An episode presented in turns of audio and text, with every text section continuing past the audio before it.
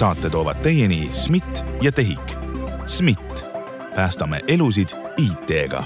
TEHIK-u aeg kulub sellele, et ülejäänud Eesti saaks aega kokku hoida tere, head kriitilise intsidendi kuulajad, taas kord on käes hakata uurima, mida huvitavat ja põnevat on e-Eesti maastikul toimumas või toimunud. kui senini oleme saates äh, vaadanud tulevikku, lähitulevikku ja paar saadet tagasi kaevusime ka väga päevakajalise teema sisse ehk siis rahvastikuregistri skandaali sisse, siis täna me hoopis läheme vaatame arhiivis ringi kuidas äh, Eesti üldse kogu oma mälu, oma, oma tegemisi arhiividesse paneb, mis seal on, kuidas see sinna jõuab, kui palju seal on selliseid digitehnoloogia alaseid äh, asju kasutusel, tehisintellekti, tehisaru ja kõike seda veel. Teemat aitavad lahata Rahvusarhiivi andmekogude arhiveerimise valdkonnajuht Koit Saarevett, tere! tere! ja Rahvusraamatukogu rahvusteavikute säilituskeskuse juht Eva-Maria Artus, tere! tere! väga huvitavad ametinimetused on teil, ma eeldan, et teie töö on ka väga huvitav, kas see vastab tõele? jah, vastab küll mida, mida te päevast päeva teete, kirjeldage palun lahti. Tegelikult on nii, et äh, mina tegelen põhiliselt osakonna juhtimisega, et äh, meie osakonnas siis inimesed tegelevad äh, arhiveerimisega, et arhiveeritakse nii veebisaite kui arhiveeritakse ka siis kõike, mis ilmub trükis, et enamasti nende trükiste taga on ju tegelikult failid, et neid faile siis, objekte, digiobjekte arhiveeritakse. Ja hoitakse ka see üks põhipõhjuseid, äh, miks ma jah soovisin Rahvusraamatukogu esindajat ka tänasesse saatesse, oligi see, et teil on olemas selline veebiarhiiv, mis ideeliselt peaks olema see, et toksid mõne Eesti veebisaidi sisse ja siis sa näed, et milline ta nägi kümme või kakskümmend aastat tagasi ja siis kui kõik läheb hästi, siis saja aasta pärast me saame täpselt sedasama teha. jah, nii on mis seal veebiarhiivis äh, olemas on? no veebiarhiivis on äh, olemas äh, kõik Eesti saidid ja nii-öelda siis teadusliku nimetusega Estonica, aga kõik siis Eestiga seotud saidid, et nad ei pruugi olla tingimata eestikeelsed saidid. kas või kui keegi peab mingi blogi, mis äh, on Eestiga seotud ja see võib olla mingis teises keeles, siis äh, selle saidi me ka salvestame ja salvestame ka online ajalehti, isegi tegelikult äh, Facebooki, Twitterit, Youtube'i, mingil määral muidugi mitte tervet, et see ei ole see interneti väljaprintimine päriselt nii et teil on kuskil olemas nimekiri kõigist eestlastest, kellel on Facebooki ja Twitteri kontod? no päris mitte kõigist, et äh, ikkagi jälle seesama teema, et kuna me oleme kultuuri säilitav asutus, siis äh, võtame neid äh, kontosid mis on Eesti kultuurile, Eesti ühiskonnale olulisemad. et see ongi noh, nüüd on kohe küsimus, et kindlasti, et, et mille alusel te otsustate, et ta ongi natukene võib-olla subjektiivne, et millest me ise oleme teadlikud et ta on selline, ei ole nagu väga konkreetseid kriteeriume, et, et, et me paneme nüüd kuskile tabelisse ja siis, et nii, et see läheb ja see ei lähe, et, et noh, erinevad siin igasugu kirjanikud, ajakirjanikud, näitlejad, kes midagi avaldavad, poliitikud kindlasti. Kas neil on võimalus ka öelda, et olge hea, et ärgu, ärge minu neid uitmõtteid, mis ma olen Twitterisse postitanud, et ärge ikka neid kuskile arhiivi pange. no põhimõtteliselt küll, aga üldiselt inimesed, kui nad juba avaldavad oma mõtteid, siis nad on väga huvitatud, et need mõtted väga palju vastukaja saaksid ja neid salvestatakse, inimesed neid loeksid ja midagi arvaksid, et et äh, ma ei ole tegelikult kohanud äh, oma siin äh, tööelu jooksul, et et keegi, kes oma asju avaldab, et ta nüüd ütleb, et oi, et ärge salvestage, pigem inimesed on positiivselt üllatunud, et vau, et minu asja ka salvestate, et kunagi oli artikkel Malluka blogist, et noh, tegelikult see on ka mikroajalugu, et ka see läheb meil äh, veebiarhiivi. Koit, kas teie olete pidanud mingit isiklikku blogi, kirjeldanud, äh, kuidas te jalgrattaga sõidate, kuidas te tööd teete, mida iganes muud? Kunagi äh, väga lühikest aega, ma õppisin äh, viisteist aastat tagasi äh, ühe aasta Ameerikas ja siis see oli nii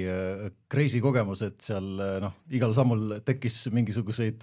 sähvatusi, noh, mida ma tundsin, et, et oleks huvitav jagada lähedaste ja sõpradega. ja siis ma tekitasin ühe pisikese blogi, mis oli just nimelt selleks konkreetseks otstarbeks, aga ma ei teinud teda nendes otsimootorites nähtavaks, ma jagasin seda linki nagu otse inimestele, ma kahtlustan, et see ei ole sattunud sinna. aga kontrollinud ei ole? kuidas? ehk kontrollinud ei ole, et kas see on olemas veebiarhiivis või ei ole? ei ole vaadanud ja. ja suure tõenäosusega. peaks kontrollima. kuidas siis sellise blogiga lood on, et kas sellised jõuavad sinna või ei jõua? no tõenäoliselt, kui ta ei ole kuskilt kättesaadav, siis ei jõua, aga loomulikult ma peast ei oska öelda, et seda saab, kui ma pärast Koit ütleb mulle näiteks aadressi, siis me saame järgi uurida, et kas see on olemas või ei ole. aga põhimõtteliselt seda järgi uurimist saab igaüks teha, igaüks pääseb sellele veebiarhiivile mm. ligi või kuidas on? Äh, hetkel pääseb ligi ikkagi ainult äh, meie majas ja veel tegelikult neljas Eesti Raamatukogus oleva terminali kaudu, et seda nimetatakse autoriseeritud töökoht, et sealt pääseb ligi ja see ei ole tegelikult nagu meie mingi isiklik kadedus, et inimesed jumala eest ei pääseks kodus toredatele asjadele ligi vaid äh, meil on äh, säilituseksemplari seadus, mis siis äh, tegelikult keelab veebis neid saite avalikult näidata. et võime näidata, aga siis meil peab olema kokkulepe selle saidi omanikuga. aga ilmselgelt igal saidil on mitu omanikku ja see on hästi-hästi töömahukas, et nüüd kõikidelt saada kokkulepped, et me ei ole sellega tegelenud. et kui meil on olnud mõne saidi omanikuga mingid teemad, et näiteks oli selline sait nagu Konstantin Pätsist, keegi vanem mees pidas seda ja siis ta ütles, et ta enam vist ei jaksa seda pidada, et kas te saate nagu veebiarhiivi arhiveerida ja loomulikult näidake avalikult välja, et noh, selliste kontaktide puhul me ikka paneme ta avalikuks. aga noh, see eeldaks tervet suurt tööd, et me oleme kunagi mõelnud ka mingisuguse automatiseeritud lahenduse peale, aga tegelikult ei ole veel sinnani jõudnud. et, et saaks inimesed võib-olla ise siis neid nõusolekuid anda, et aga see on keeruline, sest tavaliselt on mitu omanikku, tekst, pildid, ma ei tea, kujundus, noh, et igaüks saab siit ise edasi mõelda.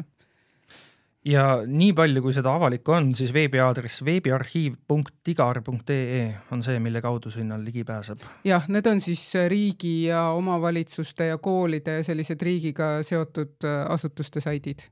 ja need neli raamatukogu, mida te mainisite, kus pääseb siis kogu sellele arhiivile ligi, need on? Äh, need on veel lisaks siis Rahvusraamatukogul on Tehnikaülikool, äh, Tartu Ülikooli raamatukogu, Kirjandusmuuseum ja Tallinna Ülikooli siis see akadeemiline raamatukogu äh, kas teil on ka mingit statistikat selle kohta, kui palju käiakse füüsiliselt kohapeal selle veebiarhiiviga tutvumas? Või, või kuna see on nii-öelda üks arvuti raamatukogus, mida kõik võivadki kasutada, siis äh, lähemalt või detailsemat statistikat ei ole? mul ei ole väga detailset statistikat, et ma tean, et väga ei käida. et äh, võib-olla puudub teadlikkus ja eks see meie sait ja kõik need asjad on noh, see, mis on avalikult üleval, on ju, et see on äh, suhteliselt vana, et tahame seda uuendada nüüd järgmise aasta, siis kahekümne neljanda aasta kas lõpus või kahekümne viienda aasta alguses tahame teha uue digitaalarhiivi kasutuskeskkonna siis, kus on peale veebiarhiivi ka meie ülejäänud digiarhiivi sisu ehk siis Digari ja Tea sisu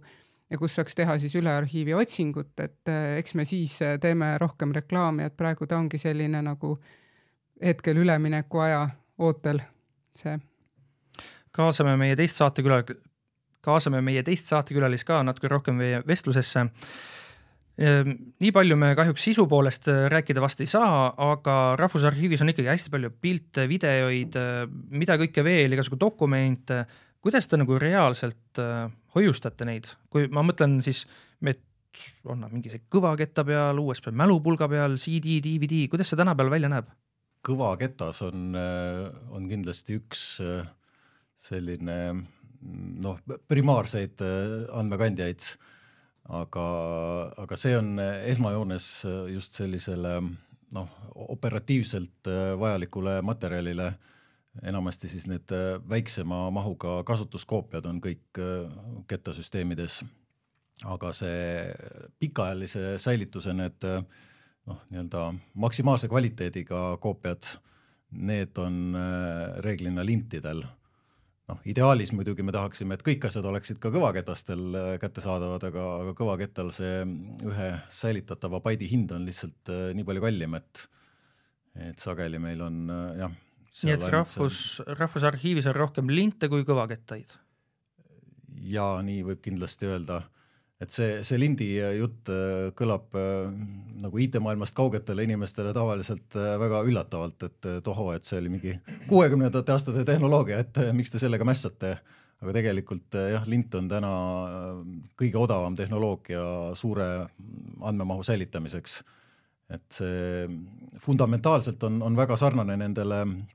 vanadele, mis, mis olid kunagi need helilindid ja seesama, mis oli helikasseti sees, see lint põhimõtteliselt sama, sama tehnoloogia, mingisuguse pl plastikust lindi või, või kile peale on siis see magnetpulber liimitud ja ja sinna siis magnethelipeaga kirjutatakse andmed, aga see on, on teinud läbi väga korraliku evolutsiooni, et seal toimub see kuulus äh, Moore'i seadus, et äh, jämedalt iga paari aastaga umbes kaks korda rohkem mahub ühe füüsiliselt sama suure lindi peale andmeid. ja, ja tänu sellele siis jah, see ühe baidi hind on, on suhteliselt väike ja, ja siis arhiividele enam-vähem jõukohane. ja see lint on siis kõvakettega võrreldes äh, vastupidavam ja kestab kauem? sõltub, mismoodi teda kasutada. et äh, kui linti hoida mm, hellalt õigetes kliimatingimustes, jahedas ja pimedas ruumis, äh, eemal igasugu magnetväljadest ja, ja muudest segajatest, siis selliselt ta säilib üsna hästi, et teoreetiliselt seal räägitakse mingitest aastakümnetest, mis ta võib säilida aga kui teda nagu kasutada nii, nagu kõvaketast kasutatakse, et äh, toimub kohutav lugemine ja kirjutamine sealt kogu aeg, siis ma arvan, et ta suhteliselt kiiresti läheb ribadeks. et äh, lint on ikkagi pigem selline jah, nagu pikaajalise säilituse keskkond, kus, kus siis nagu vahel harva on vaja maha lugeda et seetõttu meil ongi kõik need äh, nii-öelda operatiivselt vajalikud äh, andmed äh, noh, need nendest nii-öelda juurdepääsusüsteemidest, kust kiiresti saab arvuti või telefoni ekraanile pilti kuvada, et need on ikkagi siis kettasüsteemides. oletame, et mõne selle lindi peal on Eesti esimese digiallkirjaga fail olemas kuidas see siis nagu reaalselt välja näeb, et see fail pannakse sinna lindi peale ja siis ta on seal ja kas keegi tuleb viie aasta pärast, kümne aasta pärast ja kontrollib üle, kas kõik on korras või te lihtsalt eeldate, et, et see säilibki seal aastakümneid? jah, nüüd, nüüd ongi sobilik hetk äh, rääkida sellest, et enne ma ütlesin teoreetiliselt aastakümneid, et äh, praktiliselt äh, elu on näidanud, et kipub igasuguseid viperusi juhtuma. füüsiliselt need või, võivad hukka minna mingisuguse vale säilituspraktika tõttu või vahel satub praak neid andmekandjaid ja, ja põhjuseid võimalikke on, on palju. Eh, aga, aga teine suur ja veel olulisem eh, murekoht on moraalne aegumine. et need eh, tehnoloogiad kõik on väga kiires arengus ja kahjuks nad tagurpidi ei ühildu. kunagi olid flopi disketid peamine selline salvestuskandja ja täna praktiliselt Eh, noh, poest ei, ei osta ühtegi flopi seadet. spetsialiseeritud poodidest kolmetollise kettaseadme veel õnnestub leida, mida saab USB pordi kaudu arvutiga täna, tänase arvutiga ühendada. aga, aga suuremate flopidega, mis olid seal viie ja kaheksatollised, et eh, noh, need, need on ikkagi täielikult kadunud ja sama on juhtumas DVD-plaatidega ja, ja juhtub see pidevalt ka lintidega, eh, mis on väga kummaline, et need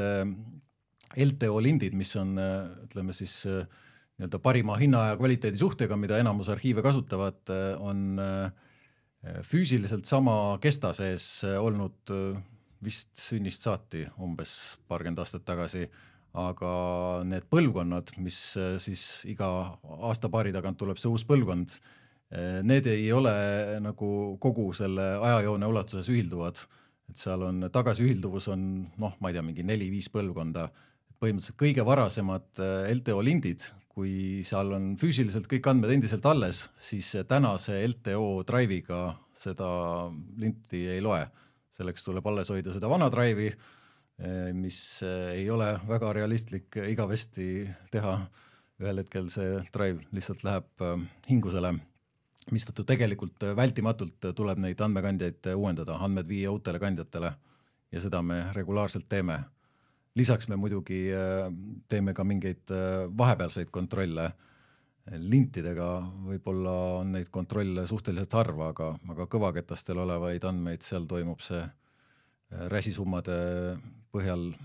tervikluskontroll ikkagi regulaarselt. kas teil on neist asjadest, mis Rahvusarhiivis on talletatud, üks, kümme, sada või tuhat koopiat? kaks on absoluutne miinimum. Et alla selle ei, ei saa kuidagi, see eh, on eh, liigne naiivoptimism loota, et üks andmekandja on täiesti usaldusväärne, ta, ta mitte kunagi ei ole. et seetõttu kaks ja noh, me pürgime kolme suunas, neid võiks ka põhimõtteliselt olla rohkem, aga see hakkab jälle eelarve võimalusi väga suurelt ületama Te küll üt-, ütlesite, et kõvaketeste puhul on see, et ähm, see nii-öelda hind on see, mis määravaks teie jaoks saab. Kuidas, äh,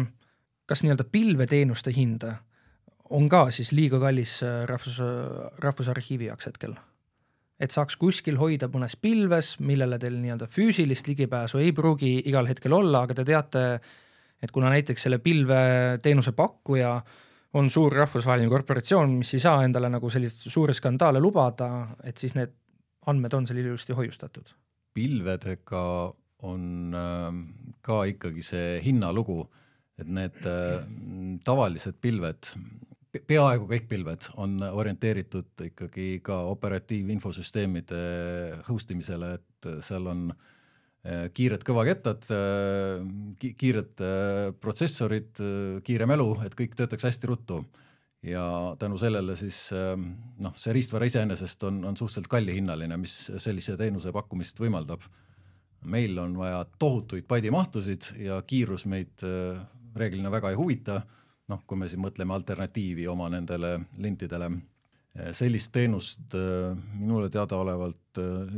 üks selline ülemaailmne tuntud asi on Amazon Glacier, Glacier siis nagu jääliustik on see toote nimi, viitega siis sellele, et see on spetsiaalselt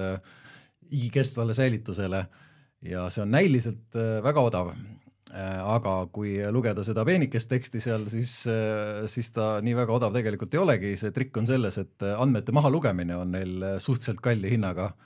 Et äh, teatud kasutusjuhtudel, kui on äh, tõesti selle mingi kolmanda või seitsmenda varukoopiana asjad sinna pandud, et ainult kõige mustema stsenaariumi korral on vaja midagi maha lugeda, siis ta põhimõtteliselt äh, tuleks kõne alla, aga kui tahta seda niimoodi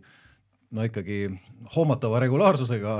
sealt midagi välja lugeda, siis see asi läheb jälle liiga kalliks. et odavam on siis mäluasutusel oma seda säilitamist ehk põhitegevust ikkagi ise teha, et osta need lindiseadmed ja, ja hoidlad on niikuinii olemas, kus linte hoida. ja, ja siis, kui vähegi rahakott kannatab, siis lindirobot, mis võimaldab seda tegevust mõnusasti automatiseerida. Kas Rahvusraamatukogu veebiarhiiv on ka lintide peal? jaa, on, on.. ongi? ja et äh, meil on leping äh, Eesti Rahvusringhäälinguga ja neil on seal lindirobot ja sinna me siis varundame oma veebiarhiivi ja kõike muud ka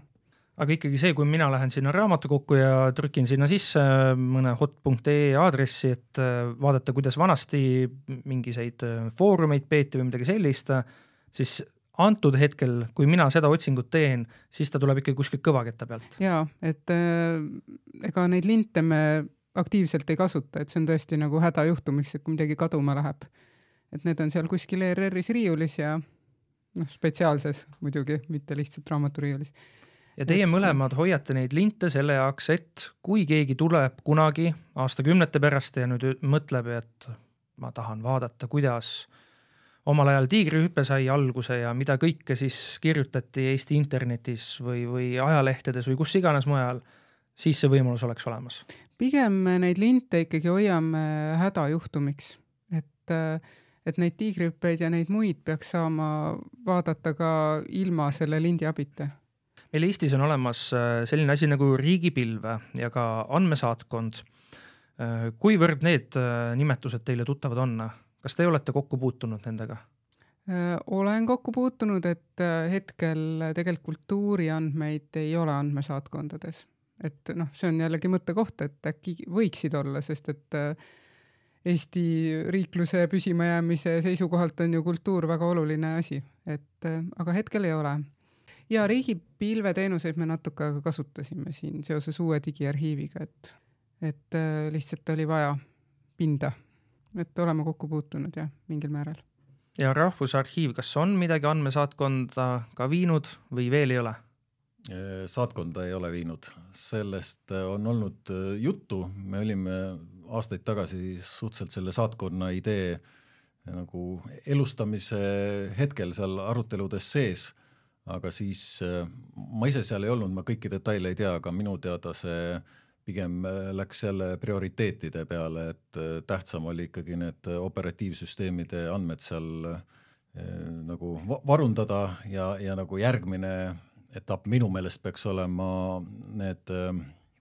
noh, nii-öelda live stand-by äh, eksemplarid, et äh, on terve töötav server ja kui siin primaarses kohas Eestis midagi peaks juhtuma, et siis saab koheselt sinna ümber lülitada.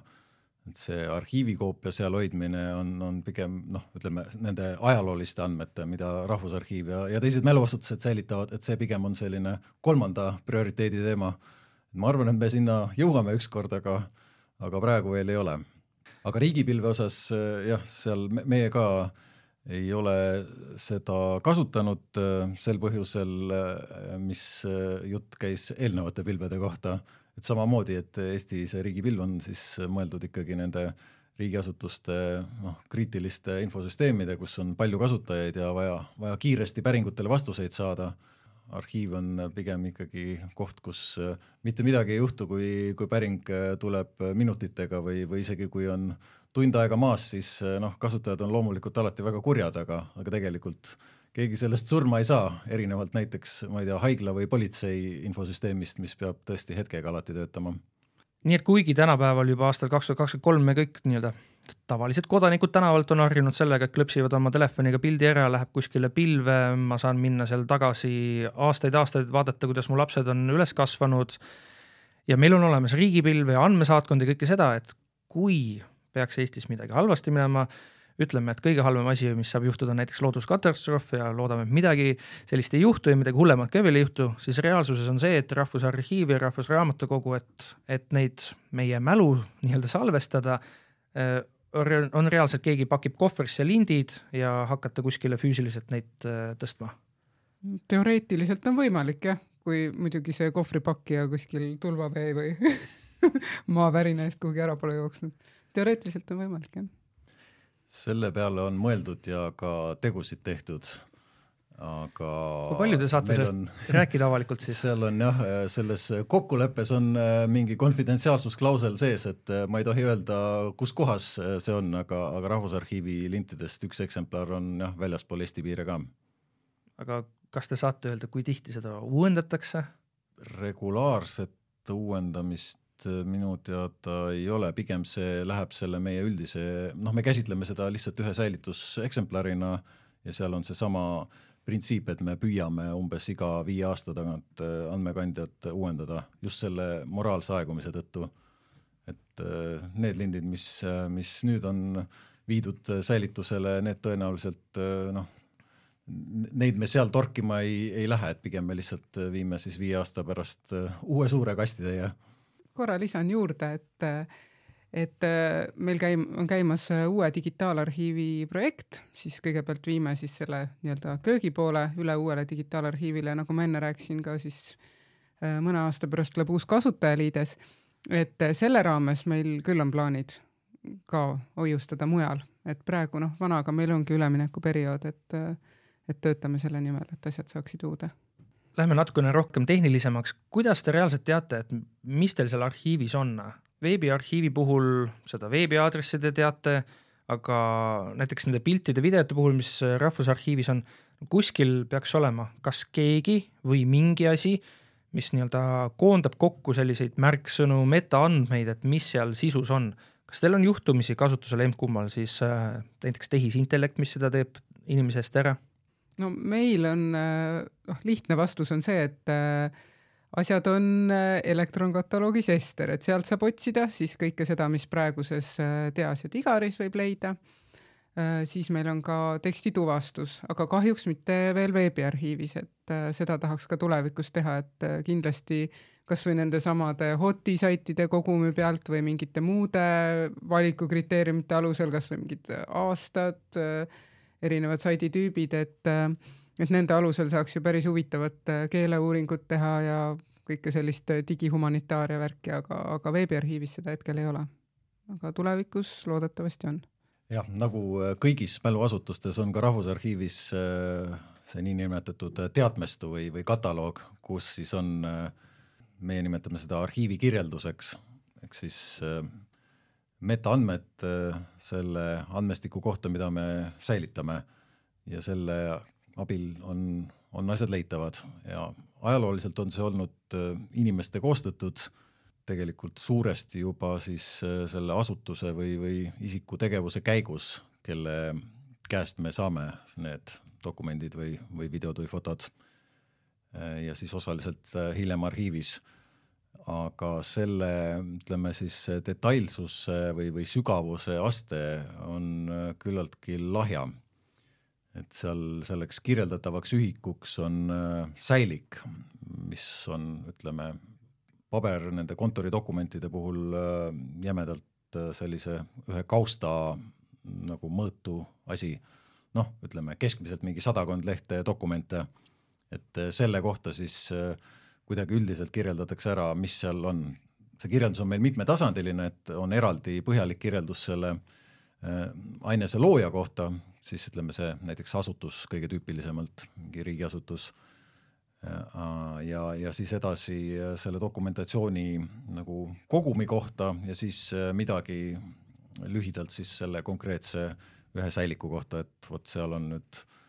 näiteks mingisugused äh, osakonna aastaaruanded, vot just konkreetselt selle viieaastase vahemiku kohta. Aga me püüame muidugi liikuda suurema detailsuse suunas, et saaks tõesti otsida üksikdokumentide täpsusega. ja noh, digitaalselt sündinud materjali puhul on seda küllaltki lihtne korraldada. me veel päris sellise noh, ütleme kaagutamist vääriva muna munemiseni ei, ei ole jõudnud, et äh, see digitaalselt sündinud äh, tekstidokumentide äh, kasutussüsteem on meil praegu alles sellises aktiivses arengufaasis,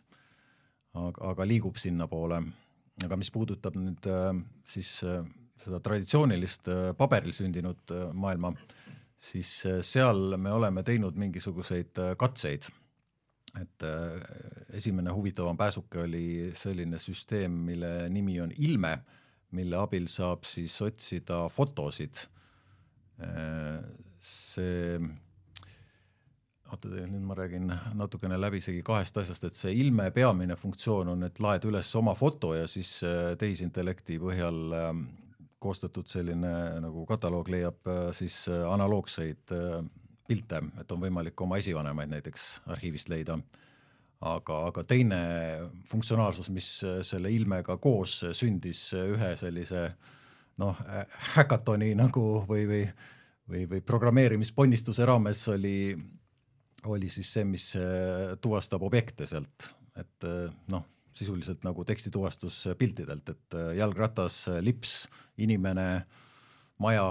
et selliste sõnade järgi saab ka otsida pilte.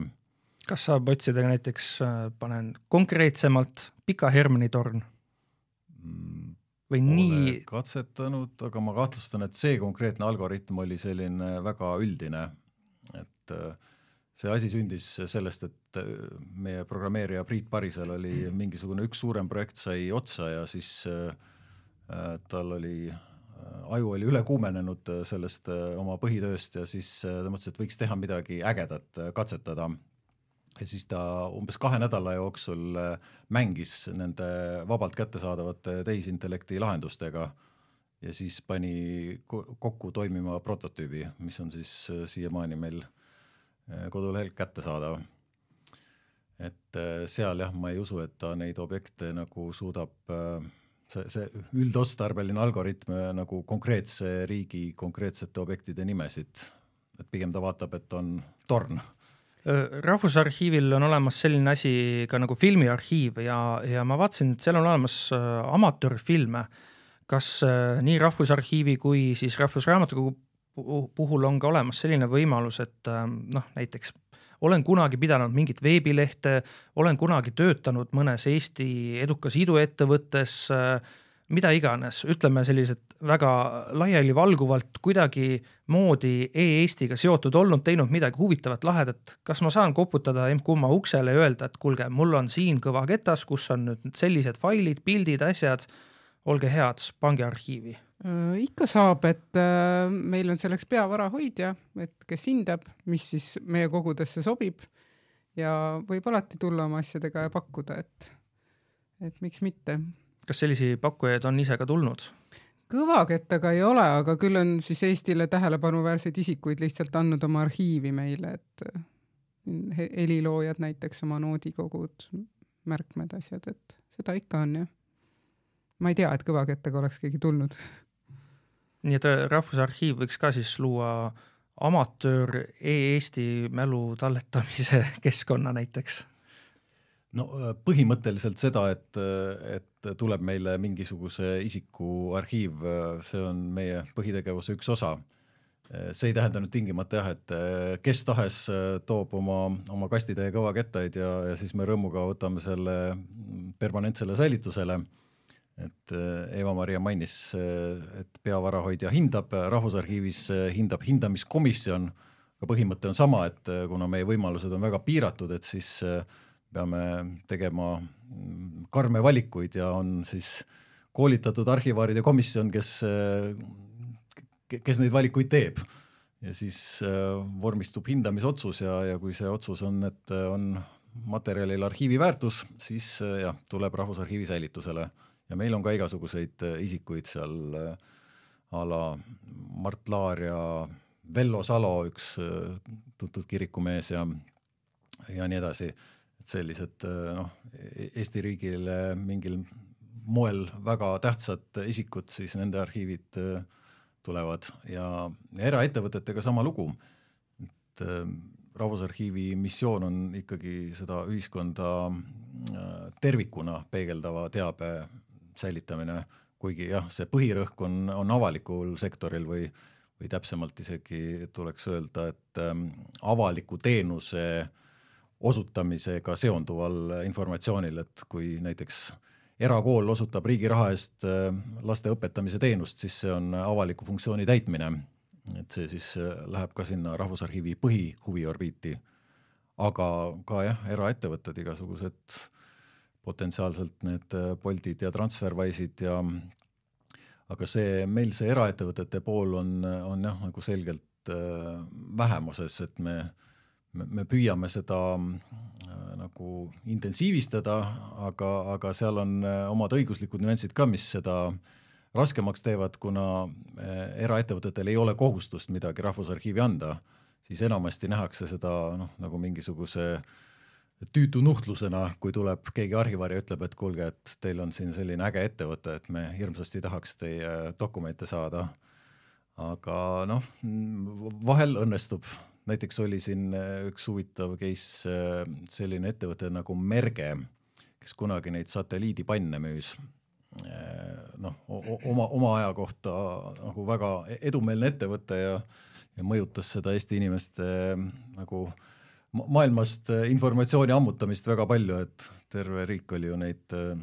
satelliidi vastuvõtteid täis, et nende arhiivi me näiteks äh, võtsime vastu. et selles mõttes on teatav ana analoogia nagu nende tänaste iduettevõtetega kui digivalitsemise valdkonnas on Eesti selline täiesti number üks, kõik see, et meil on see digiallkiri olnud aastakümneid ja me kõik oleme harjunud mobiilis kõike tegema ja nii edasi. kuidas sellise digiarhiivindusega lood on, kas mõni teine riik on meile teenäitajaks või on ka siin Eesti selline number üks? no digiarhiivindusega Rahvusraamatukogu poolelt, et me hetkel läheme üle uuemale, moodsamale arhiivisüsteemile, et ei saaks öelda, et me siis maailmas number üks praegu oleme, vähemalt meie poolt. aga see on hästi selline tore ja kokkuhoidev kogukond, et kindlasti me uurime, mis on need head praktikad ja, ja lausa parimad praktikad, et mida võiks siis enda pool äh, rakendada. arhiivide poolt võib, võib lisada, et ähm, jah, meie oleme seal äh, nende ärksamatega ikkagi ühes pundis, et ähm, noh, öelda, kes nüüd see maailma kõige parem on, see on,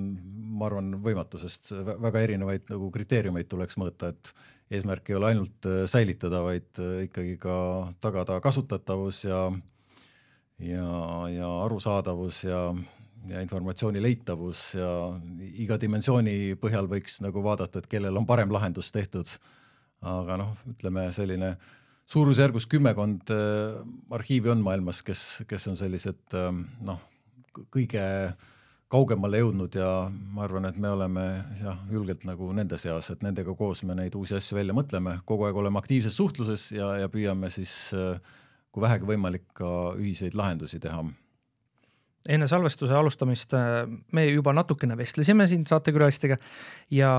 sain teada, et Rahvusarhiivis peaks kuskil olema ka see fail, mis on Eesti esimese digiallkirja saanud faile kui ma olen näiteks huvitatud, tavaline inimene jälle tänavalt on huvitatud selle faili kättesaamisest, mida ta peaks tegema mm.? see fail, millest jutt on siis ähm, Andrus Ansipi ja Edgar Savisaare linnadevaheline koostööleping, üks oli Tallinna, teine oli Tartu linnapea. et ähm, üksikdokumendi nagu tunnuste järgi meie infosüsteemist AIS äh, ma ei julge praegu öelda, kui lihtsasti ta sealt välja tuleb, sest üldjuhul selle, mis ma enne kirjeldasin, et see klassikaline arhiivikirjeldus on olnud äh, küllaltki nagu üldisel tasandil, et ta ei ole läinud välja üksikdokumentideni. seetõttu vaja oleks teada nagu seda konteksti, et äh, mis asutuse äh, dokumentide kollektsioonis see on ja siis ka noh, nagu lähemalt, et, et mis teema ja, ja mis ajaperiood et äh, ilmselt ta võiks olla siis äh, kas Tallinna linna või Tartu linna arhiivis ja siis äh, tuleks sealt vaadata, et näiteks dokumendisari, ma ei tea, koostöö teiste linnadega ja siis hakata sealt täpsemaks minema. Et kõige kiirem sellele küsimusele vastust saada ongi see, et kui inimene teab, mida ta soovib, kui ta ütleb nii-öelda väga üldistavalt, nii nagu mina praegu ütlesin, ah, lihtsalt see Eesti esimese digiallkirjaga dokument, siis läheb ikka aega selle leidmisega jah, see ise kataloogist leidmine võib osutuda aeganõudvaks, aga meil on äh, väga tublid klienditeenindajad, meil on need nii-öelda kasutusosakonnad, äh, kes, kus on inimesed, kes, kes spetsiaalselt aitavad uurijaid äh, mis tahes küsimustes ja väga sageli nende juurde tullaksegi mingi väga uduse sooviga, mida, mida lihtsalt sinna infosüsteemi otsiväljale toksides noh, väga palju tuleks vaeva näha, et, et jõuda tulemuseni, aga arhivaarid tunnevad meie materjale hästi ja, ja oskavad sageli juba peast vastata või, või siis teavad, kuidas otsida. nii et julgustan äh, pöörduma ja küsima, kas meili teel või telefoni teel või, või astuma ka uurimissaali füüsiliselt, ei ole üldse häbiasi, meil on väga kenad uurimissaalid kuidas Rahvusraamatukogu veebiarhiiviga lood on avaliku sektori veebilehtede osas? kas neid te käite iga päev, te ju ei käi, iga nädal, iga, iga kuu? me ikkagi suuremaid selliseid olulisemaid saite, ütleme tegelikult protsess on umbes selline, et meil on circa seitsekümmend tuhat saiti, mida me siis võtame vähemalt äh, korra aastas, me sa saime Eesti Interneti Sihtasutuselt nende saitide nimekirja, Eesti saidid siis ja nüüd on need sellised veel olulisemad saidid erinevad siis, ma ei tea, ülikoolid, Riigikogu, meie oma koduleht, et äh, neid me käime ka tihemini võtmas, et äh, sõltub ka asjaoludest, et kui meil endal tuli uus koduleht, siis loomulikult veel võtsime viimase seisu seda vana kodulehte, et äh, neid me võtame suurema põhjalikkusega siis, et on suurem kvaliteedikontroll, et see sait näeks siis äh, pärast arhiivist vaadates äh, samasugune välja nagu veebis, et see ei ole lihtsalt ekraanipilt, et see on tõesti täiesti klikitav sait. lihtsalt URL-i aadressil näed, et äh, et see sait on veebiarhiivis, et seal on see veebiarhiiv kirjas. et kui ma enne siin rääkisin äh, täisteksti otsingust, siis võis jääda mulje, et veebiarhiivist ei ole võimalik mitte midagi leida, et loomulikult URL-i järgi saab leida, kui teada selle konkreetse saidi URL-i ja saab leida siis ka teemakataloogist otsides nagu teemade järgi siin mõni aasta tagasi läksid hingusele hot.ee veebilehed. ma saan aru, et toona te tegite siis äh,, sel hetkel oli hot.ee omanikuks Telia, teil oli mingine koostöö, et neid äh, veebisaite sealt arhiveerida, kuidas see koostöö läks?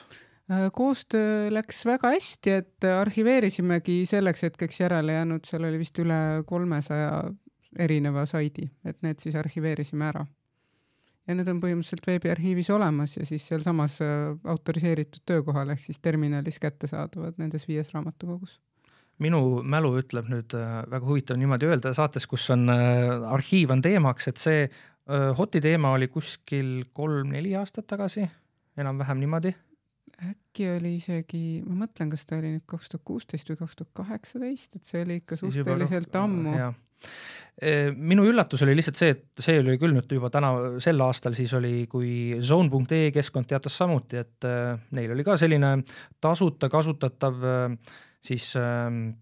veebiplatvorm, kus inimesed said oma veebilehti üles panna, mis olid samuti üheksakümnendate lõpus ja nullindate alguses väga populaarsed. aga kui nemad tegid selle otsuse, et nemad panevad ka need saidid kinni, siis ma saan aru, et automaatselt nad teiega ühendust ei võtnud, et, et saaks ka need lehed sinna arhiivi.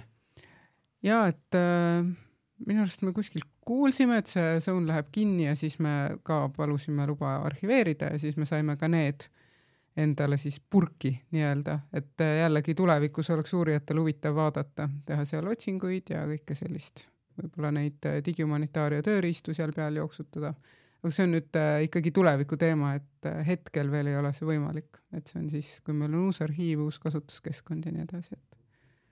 ma lõpetuseks küsin seda ja jah, väike mööndus küll, et Rahvusarhiivist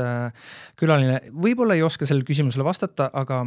kas te oskate öelda, et kas keegi Eestis kuskil talletab näiteks meie seda digiallkirjastamise tarkvara, digidokki või siis e-valimiste jaoks vajalikku tarkvara, et me taaskord saaksime aastakümnete pärast tagasi minna, vaadata,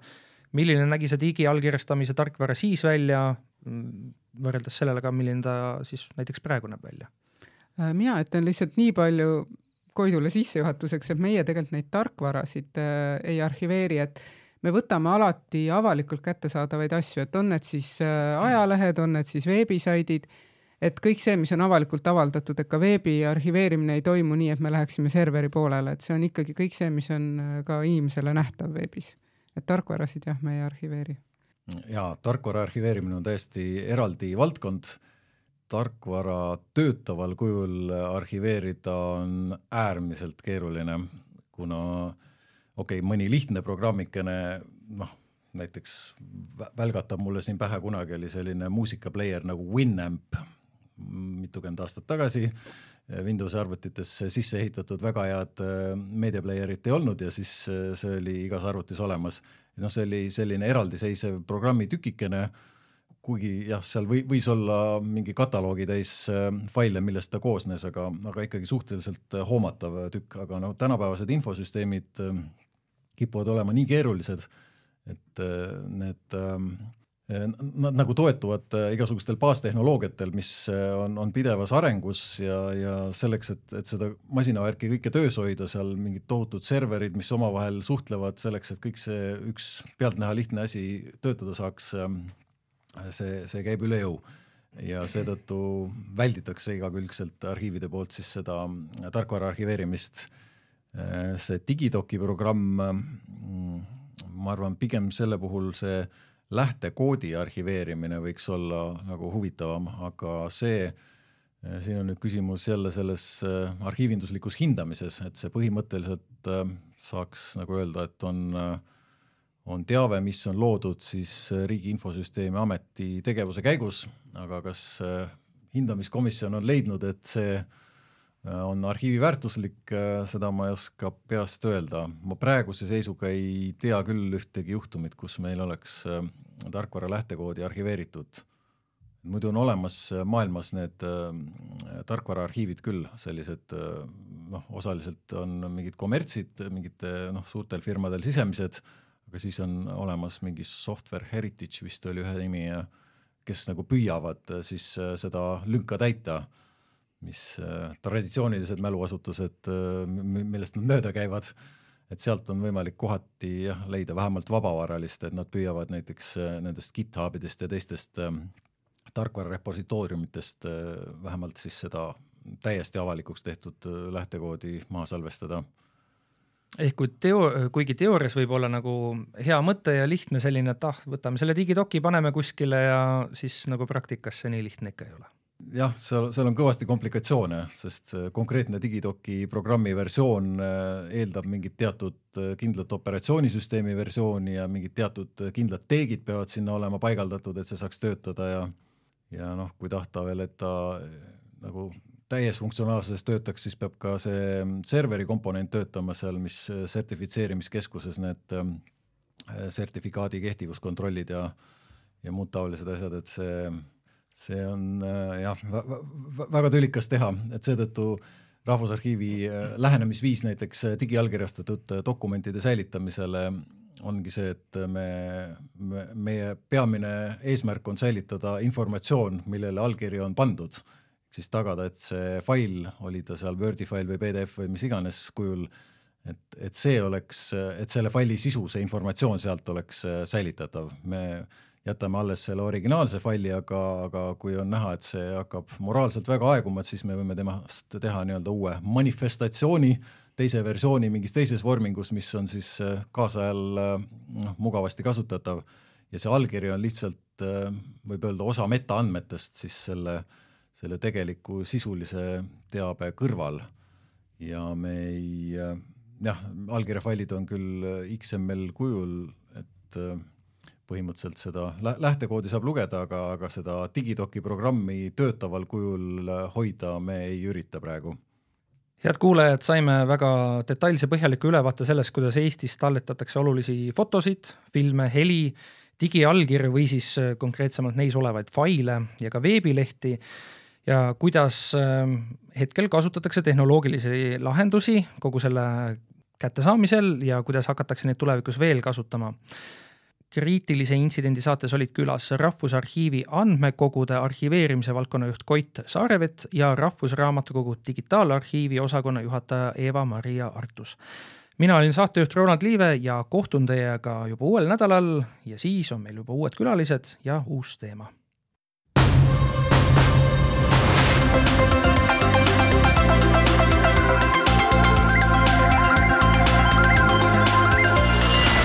saate toovad teieni SMIT ja TEHIK.